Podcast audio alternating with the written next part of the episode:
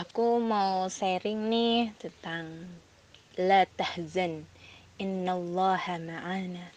Jangan bersedih, Allah bersama kita.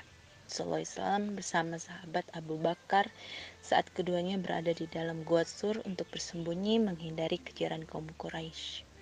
Abu Bakar merasa takut dan khawatir kaum Quraisy mengetahui keberadaan mereka. Wahai Rasulullah, Sekiranya salah satu dari mereka melihat kaki kita, niscaya mereka bisa melihat kita, ucap Abu Bakar kepada Rasulullah SAW. Rasulullah tersenyum, seolah yang memberikan sebuah jaminan ketenangan. Kemudian beliau berkata, Wahai Abu Bakar, apa engkau mengira kita hanya berdua? Padahal Allah lah yang ketiganya. Beliau meyakinkan Abu Bakar untuk tidak bersedih. Sungguhnya Allah bersama kita. Sungguhnya Allah ta'ala akan menjaga orang-orang yang dekat dengannya. Allah akan melindungi mereka dengan ilmunya. Ilmu yang selalu menjaga, memperkuat, memelihara para kekasihnya. Ilmu yang senantiasa menyertai Ibrahim ketika ia terbang di udara antara langit dan bumi yang cepat laksana lantaran bom di api. Jibril bertanya kepada Ibrahim, apakah engkau mempunyai kebutuhan terhadapku? Ibrahim menjawab, kepadamu tidak, kepada Allah iya. Cukuplah Allah sebagai penolong kami dan Allah adalah sebaik-baik pelindung. Oke teman-teman dalam realitas kehidupan kita saat ini kita seharusnya menjadikan Allah sebagai satu-satunya tempat untuk meminta tempat memasrahkan segalanya kepadanya secara total. Hidup memang terkadang manis terkadang pula pahit. Hidup kadang tak seperti yang dibayangkan. Muncul banyak kemungkinan dan kenyataan lain di luar perkiraan. Begitulah hidup ia mengalir bak air dengan riak dan gelombang yang menyertainya. Terkadang lancar, terkadang pula tersendat. Dikarenakan banyak hidup juga layaknya sebuah drama dengan skenario yang kadang sulit ditebak dan terka. Namun, pada hakikatnya, hidup tidak menuntut apa pun, kecuali ikhtiar dan pengharapan yang besar. Manusia hanyalah aktor yang perlu memperbaiki skill atau keterampilan, mental, karakter, pengetahuan, keilmuan, dan juga amal. Di samping itu, Kuasa dan kehendak Tuhan juga sangat berperan di dalamnya. Ridhonya menjadi faktor penentu atas terwujudnya keinginan manusia. Apabila keinginan kita berjalan persis bersama dengan ridho dan kehendaknya, maka apa pun bisa terjadi. Pentingkah kita menghadapi kehidupan ini, teman-teman? Sangat penting, teman-teman, sebab layaknya kebahagiaan, adanya kepahitan, kepedihan, dan kesedihan juga perlu dinikmati. Hal inilah yang pada akhirnya mampu memfilter diri sehingga menjadi pribadi yang matang dan menilai kehidupan itu tidak berdasar pada satu sisi saja. Kemampuan filter tersebut akan menempatkan seseorang pada posisi yang lebih bijak, sehingga apa pun itu, termasuk kepahitan, tidak semata dinilai sebagai musibah hidup atau petaka, tetapi sebagai ujian menuju jalan kemenangan dan kemuliaan.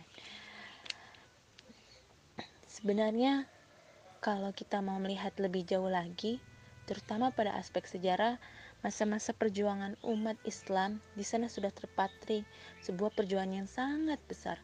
Kemenangan yang didapatkan oleh umat Islam yang bisa dirasakan sampai detik ini tidak lain karena adanya keyakinan kesabaran umat Islam itu sendiri dalam melakoni kiprahnya sebagai pemeluk sekaligus pembela agama.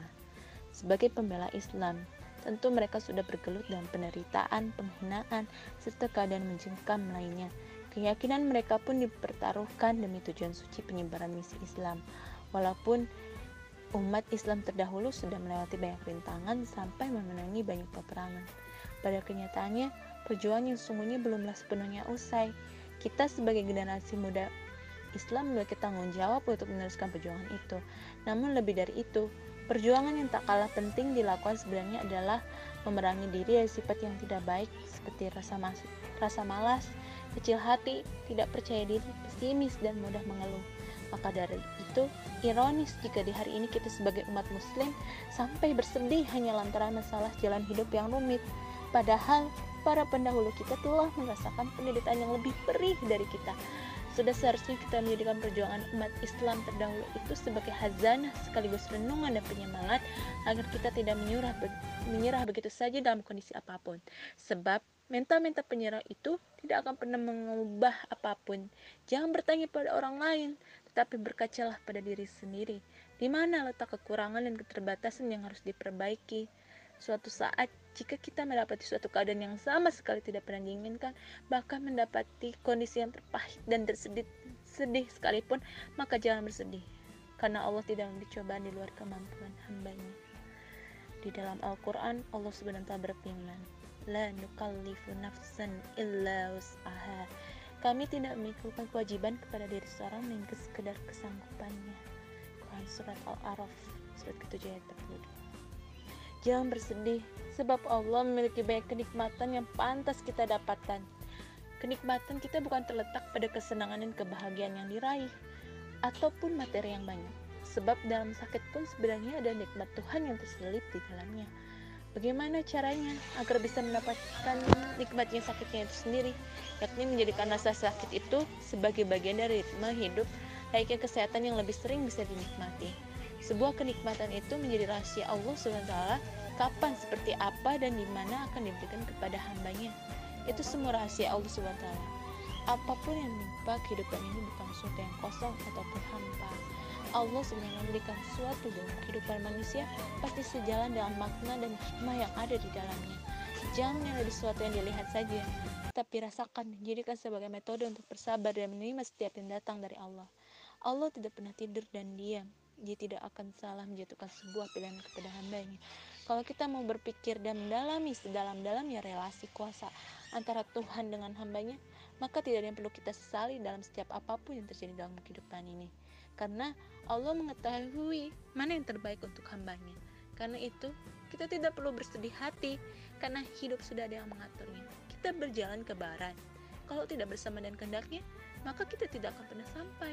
Meskipun demikian, Sebagaimana singgung sebelumnya, bahwa yang terpenting dalam kehidupan ini adalah doa dan usaha teman-teman. Hidup itu terlalu indah untuk ditangisi, terlalu berharga jika hanya diisi oleh kesedihan-kesedihan. Apalagi penyebab kesedihan itu karena faktor ekonomi, kemiskinan, adanya musibah dunia dan faktor-faktor lainnya. Hidup itu penuh dengan mutiara-mutiara hikmah yang berharga di dalamnya. Selanjutnya, tinggal bagaimana kita menjalani hidup dan memaknanya secara lebih indah agar mutiara-mutiara hikmah itu bisa kita raih. Setiap hidup manusia sudah ada jalannya, kawan-kawan. Manusia hanya perlu mencari dan meminta petunjuk kepada yang kuasa. Tunjukkan bahwa kita adalah hamba yang kuat, tidak mudah menyerah, dan selalu bersyukur terhadap apa pun yang diberikan. Kekuatan utama dalam menjadi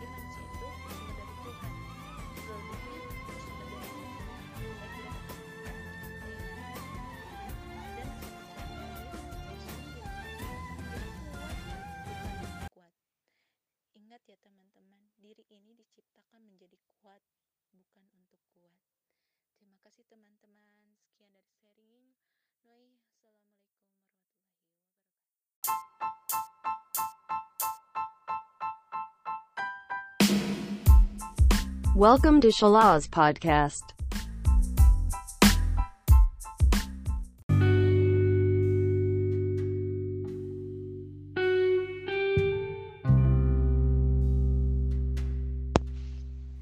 Oke, uh,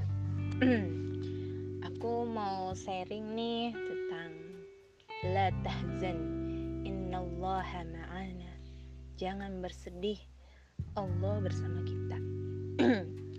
Tentu masih segar dalam ingatan kita sejarah tentang Nabi Muhammad SAW bersama sahabat Abu Bakar saat keduanya berada di dalam gua sur untuk bersembunyi menghindari kejaran kaum Quraisy.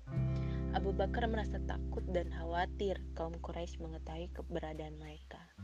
Wahai Rasulullah, sekiranya salah satu dari mereka melihat kaki kita, niscaya mereka bisa melihat kita, ucap Abu Bakar kepada Rasulullah SAW.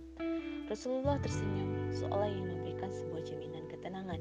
Kemudian beliau berkata, Wahai Abu Bakar, apa engkau mengira kita hanya berdua? Padahal Allah lah yang ketiganya. Beliau meyakinkan Abu Bakar untuk tidak bersedih. Sesungguhnya Allah bersama kita. Sesungguhnya Allah sebenarnya akan menjaga orang-orang yang dekat dengannya. Allah akan melindungi mereka dengan ilmunya, ilmu yang selalu menjaga, memperkuat, memelihara para kekasihnya. Ilmu yang senantiasa menyertai Ibrahim ketika ia terbang di udara antara langit dan bumi yang cepat laksana lantaran bom menjadi api. Jibril bertanya kepada Ibrahim, apakah engkau mempunyai kebutuhan terhadapku? Ibrahim menjawab, kepadamu tidak, kepada Allah iya. Cukuplah Allah sebagai penolong kami dan Allah adalah sebaik-baik pelindung. Oke, teman-teman, dalam realitas kehidupan kita saat ini, kita seharusnya menjadikan Allah sebagai satu-satunya tempat untuk meminta, tempat memasrahkan segalanya kepadanya secara total. Hidup memang terkadang manis, terkadang pula pahit. Hidup kadang tak seperti yang dibayangkan, muncul banyak kemungkinan dan kenyataan lain di luar perkiraan. Begitulah hidup. Ia mengalir bak air dengan riak dan gelombang yang menyertainya. Terkadang lancar, terkadang pula tersendat. Dikarenakan banyak hal, hidup juga layaknya sebuah drama dengan skenario yang kadang sulit ditebak dan terka. Namun, pada hakikatnya, hidup tidak menuntut apa pun, kecuali ikhtiar dan pengharapan yang besar. Manusia hanyalah aktor yang perlu memperbaiki skill atau keterampilan, mental, karakter, pengetahuan, keilmuan, dan juga amal. Di samping itu, kuasa dan kehendak Tuhan juga sangat berperan di dalamnya. Ridhonya menjadi faktor penentu atas terwujudnya keinginan manusia. Apabila keinginan kita berjalan persis bersama dengan ridho dan kehendaknya, maka apa pun bisa terjadi. Pentingkah kita menghadapi kehidupan ini, teman-teman? Sangat penting teman-teman.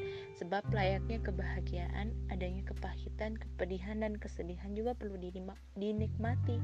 Hal inilah yang pada akhirnya mampu memfilter diri sehingga menjadi pribadi yang matang dan menilai kehidupan itu tidak berdasar pada satu sisi saja kemampuan filter tersebut akan menempatkan seseorang pada posisi yang lebih bijak sehingga apa pun itu termasuk kepahitan tidak semata dinilai sebagai musibah hidup atau petaka tetapi sebagai ujian menuju jalan kemenangan dan kemuliaan. Sebenarnya, kalau kita mau melihat lebih jauh lagi, terutama pada aspek sejarah, masa-masa perjuangan umat Islam di sana sudah terpatri sebuah perjuangan yang sangat besar. Kemenangan yang didapatkan oleh umat Islam yang bisa dirasakan sampai detik ini tidak lain karena adanya keyakinan kesabaran umat Islam itu sendiri dalam melakoni kiprahnya sebagai pemeluk sekaligus pembela agama. Sebagai pembela Islam, tentu mereka sudah bergelut dengan penderitaan, penghinaan, serta keadaan mencengkam lainnya Keyakinan mereka pun dipertaruhkan demi tujuan suci penyebaran misi Islam.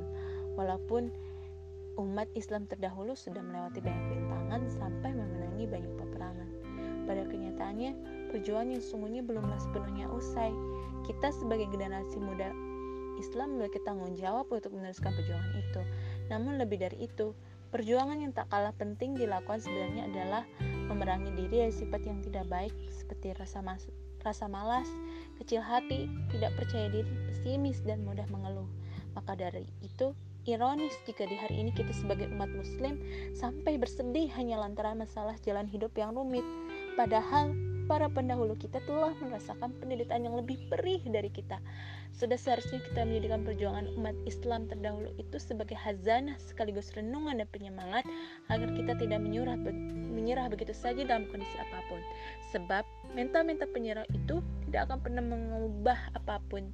Jangan bertanya pada orang lain, tetapi berkacalah pada diri sendiri. Di mana letak kekurangan dan keterbatasan yang harus diperbaiki? Suatu saat, jika kita mendapati suatu keadaan yang sama sekali tidak pernah diinginkan, bahkan mendapati kondisi yang terpahit dan tersedih sedih sekalipun, maka jangan bersedih, karena Allah tidak memberi cobaan di luar kemampuan hambanya. Di dalam Al-Quran, Allah SWT berfirman, La nukallifu nafsan illa wus'aha. Kami tidak memikulkan kewajiban kepada diri seorang melainkan sekedar kesanggupannya. Quran Surat Al-Araf, surat ke-7 ayat 32. Jangan bersedih, sebab Allah memiliki banyak kenikmatan yang pantas kita dapatkan. Kenikmatan kita bukan terletak pada kesenangan dan kebahagiaan yang diraih, ataupun materi yang banyak. Sebab dalam sakit pun sebenarnya ada nikmat Tuhan yang terselip di dalamnya. Bagaimana caranya agar bisa mendapatkan nikmatnya sakitnya itu sendiri? Yakni menjadikan rasa sakit itu sebagai bagian dari ritme hidup, layaknya kesehatan yang lebih sering bisa dinikmati. Sebuah kenikmatan itu menjadi rahasia Allah SWT kapan, seperti apa, dan di mana akan diberikan kepada hambanya. Itu semua rahasia Allah SWT. Apa pun yang menimpa kehidupan ini bukan sesuatu yang kosong ataupun hampa. Allah sebenarnya memberikan sesuatu dalam kehidupan manusia pasti sejalan dengan makna dan hikmah yang ada di dalamnya. Jangan menilai sesuatu yang dilihat saja, tapi rasakan jadikan sebagai metode untuk bersabar dan menerima setiap yang datang dari Allah. Allah tidak pernah tidur dan diam dia tidak akan salah menjatuhkan sebuah pilihan kepada hambanya kalau kita mau berpikir dan mendalami sedalam-dalamnya relasi kuasa antara Tuhan dengan hambanya maka tidak ada yang perlu kita sesali dalam setiap apa pun yang terjadi dalam kehidupan ini karena Allah mengetahui mana yang terbaik untuk hambanya karena itu kita tidak perlu bersedih hati karena hidup sudah ada yang mengaturnya. Kita berjalan ke barat. Kalau tidak bersama dan kehendaknya, maka kita tidak akan pernah sampai. Meskipun demikian, sebagaimana singgung sebelumnya, bahwa yang terpenting dalam kehidupan ini adalah doa dan usaha teman-teman. Hidup itu terlalu indah untuk ditangisi, terlalu berharga jika hanya diisi oleh kesedihan-kesedihan. Apalagi penyebab kesedihan itu karena faktor ekonomi, kemiskinan, ada yang musibah dunia dan faktor-faktor lainnya. Hidup itu penuh dengan mutiara-mutiara hikmah yang berharga di dalamnya. Selanjutnya, tinggal bagaimana kita menjalani hidup dan memaknainya secara lebih indah agar mutiara-mutiara hikmah itu bisa kita raih. Setiap hidup manusia sudah ada jalannya, kawan-kawan. Manusia hanya perlu mencari dan meminta petunjuk kepada yang kuasa. Tunjukkan bahwa kita adalah hamba yang kuat, tidak mudah menyerah, dan selalu bersyukur terhadap apa pun yang diberikannya. Kekuatan utama dalam diri manusia itu bersumber dari Tuhan. Selebihnya bersumber dari diri sendiri, baik berupa keyakinan, keimanan, keteguhan, dan rasa percaya diri bahwa sungguh diri ini ciptakan menjadi kuat, bukan untuk kuat. Ingat ya teman-teman, diri ini diciptakan menjadi kuat, bukan untuk kuat. Terima kasih teman-teman. Sekian dari sharing. Noi, Assalamualaikum warahmatullahi wabarakatuh.